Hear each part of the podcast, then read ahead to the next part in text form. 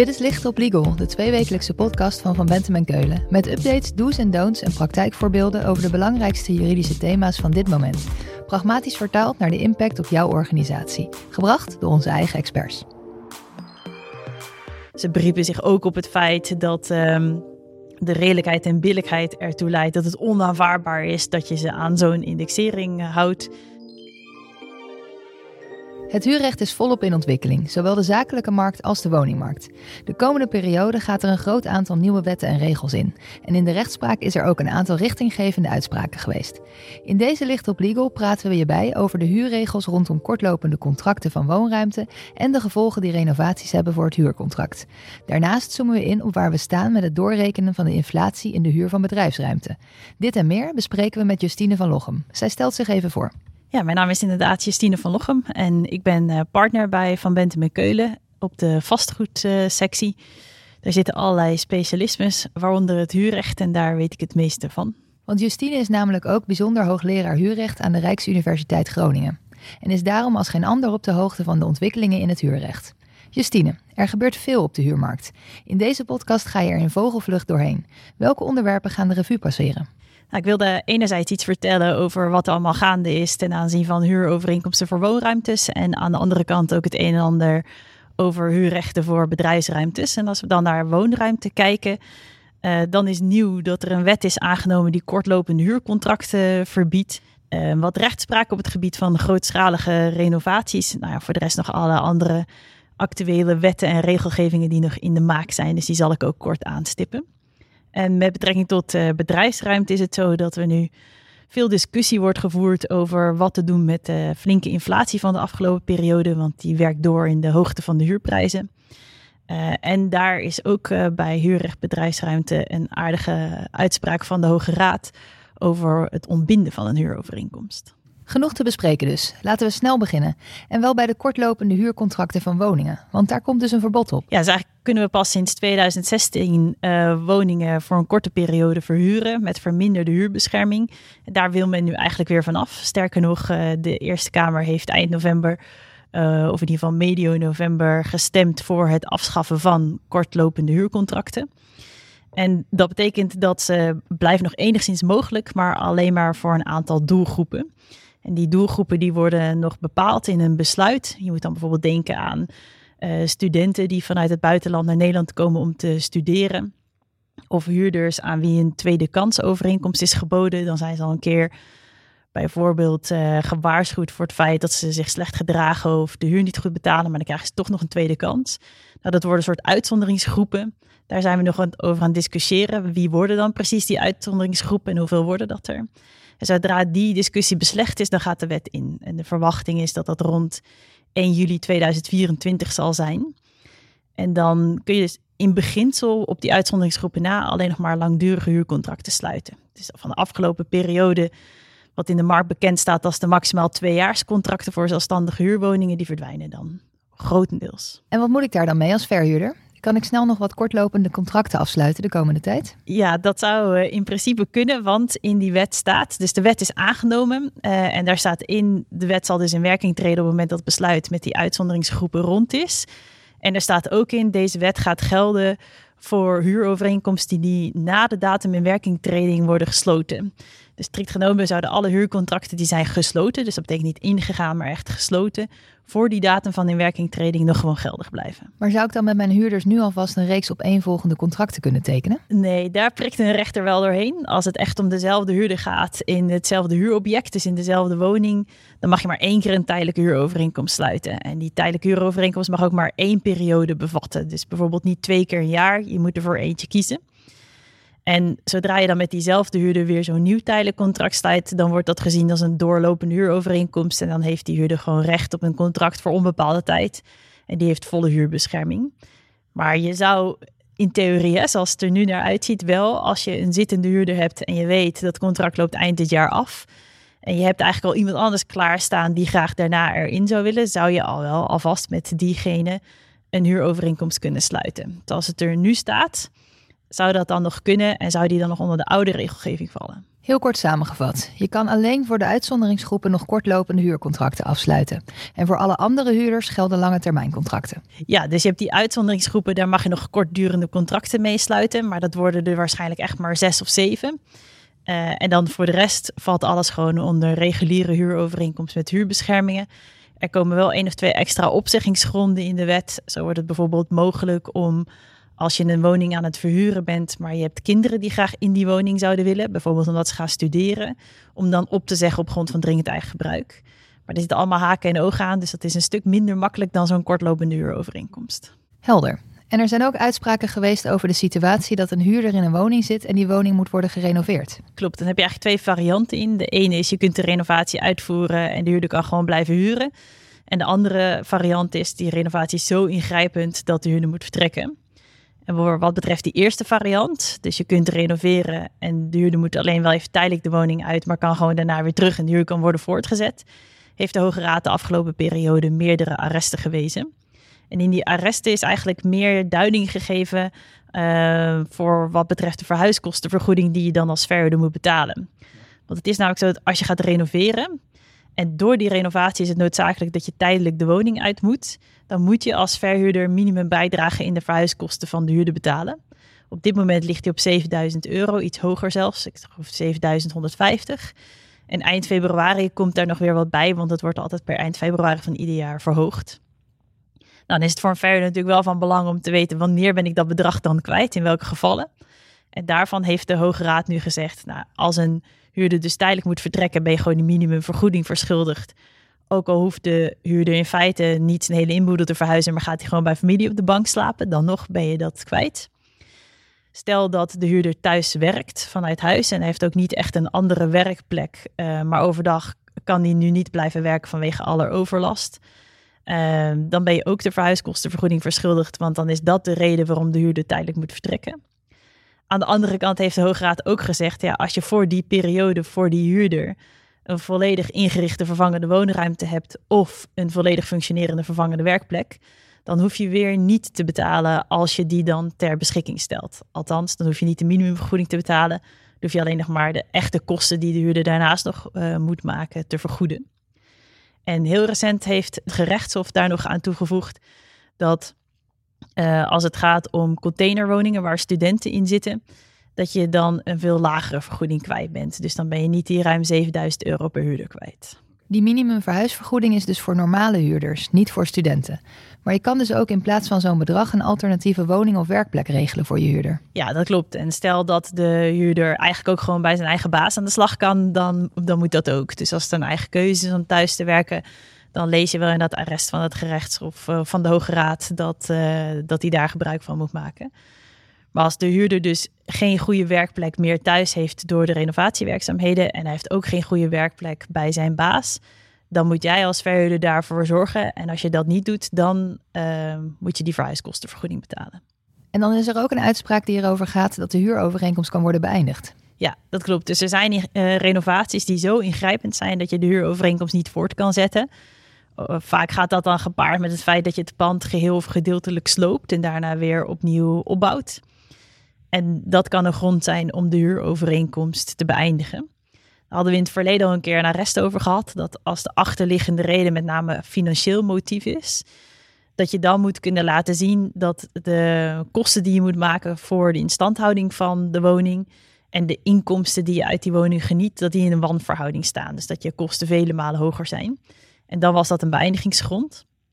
En nu heeft de Hoge Raad daaraan toegevoegd dat um, als het doel van de renovatie is dat je een stedenbouwkundig, sociaal-economisch of volkshuisvestelijk doel hebt, dat dat ook voldoende grond is om te kunnen beëindigen. Dus dan hoeft er niet meer zo'n financiële reden achter te zitten.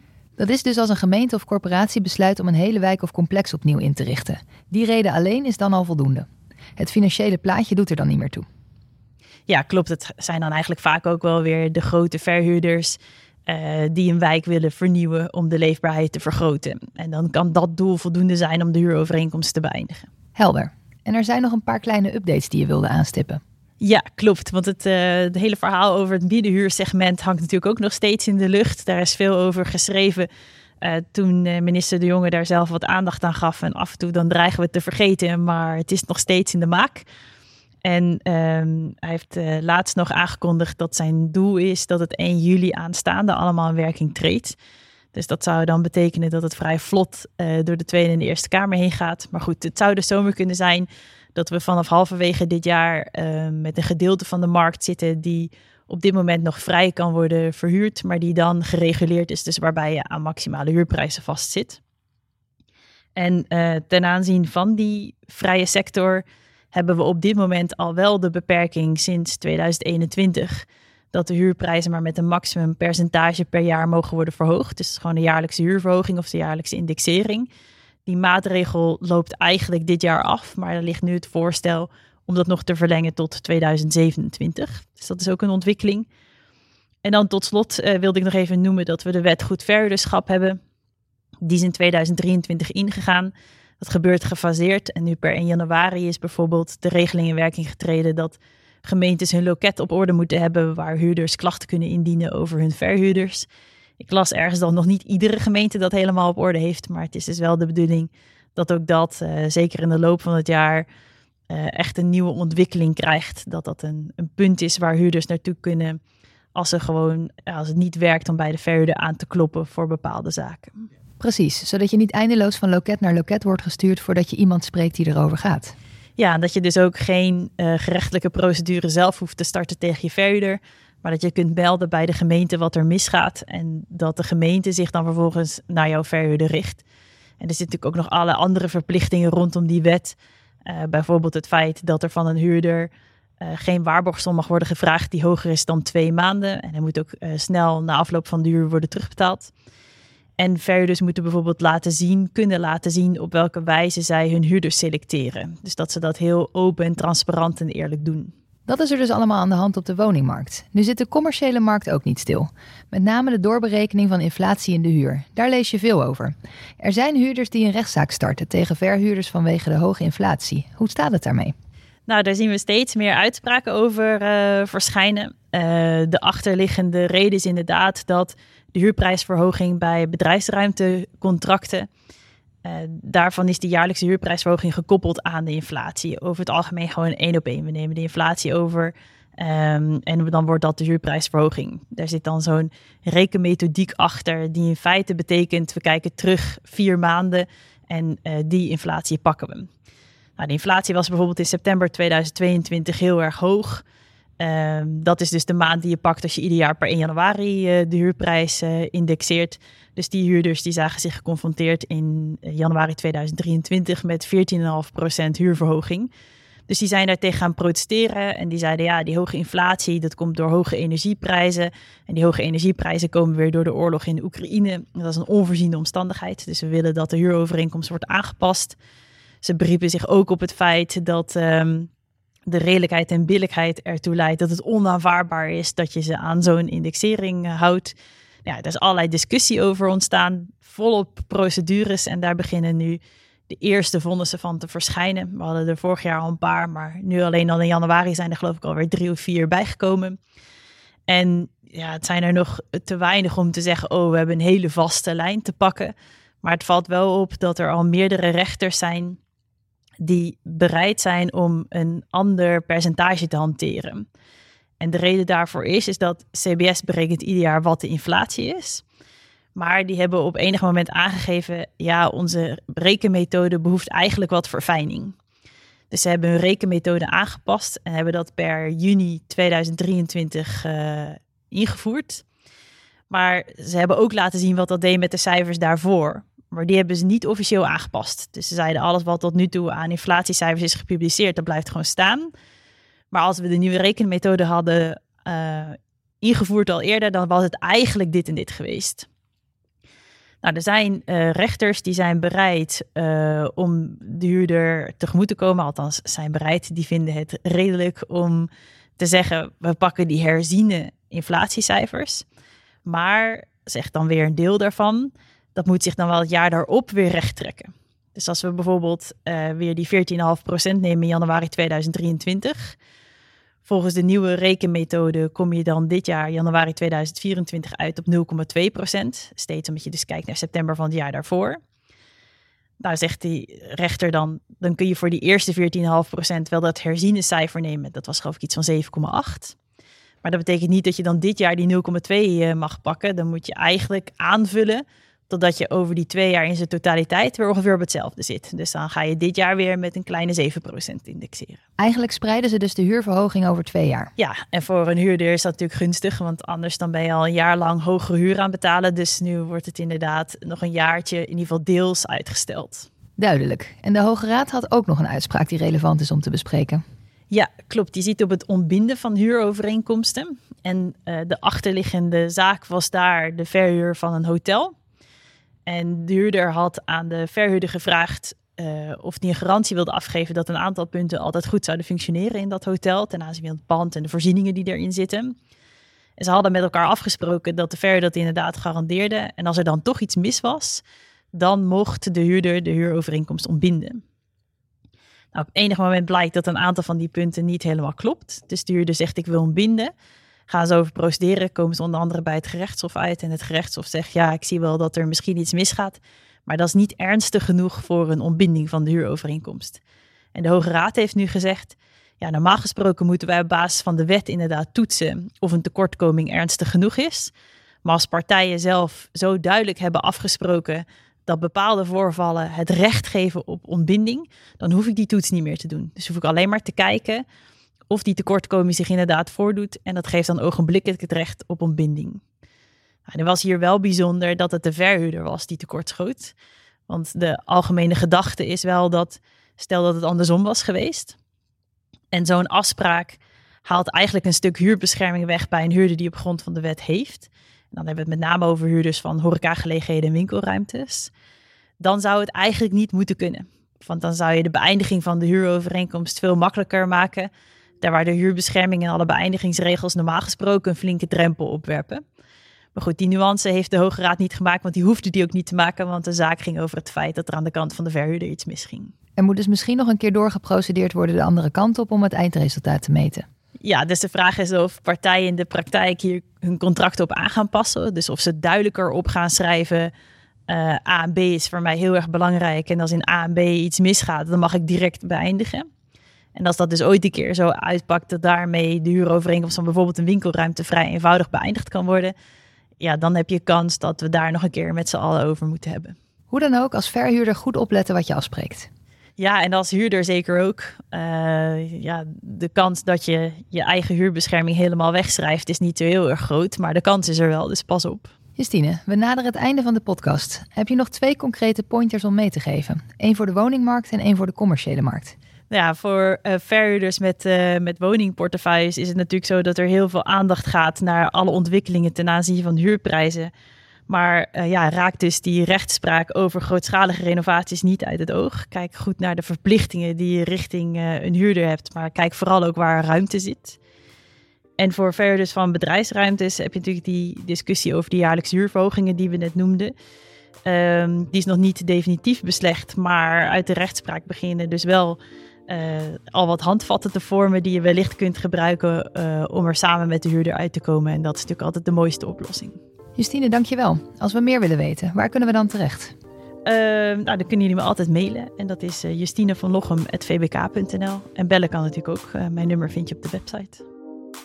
Dit was Licht op Legal, een podcast van Van Bentem en Keulen. Te beluisteren via Spotify, Apple Podcast of je eigen favoriete podcast-app. Wil je meer weten? Heb je suggesties voor een onderwerp? Of wil je dat onze experts hun licht laten schijnen op jouw juridisch vraagstuk? Laat het ons weten via vbk.nl slash lichtoplegal.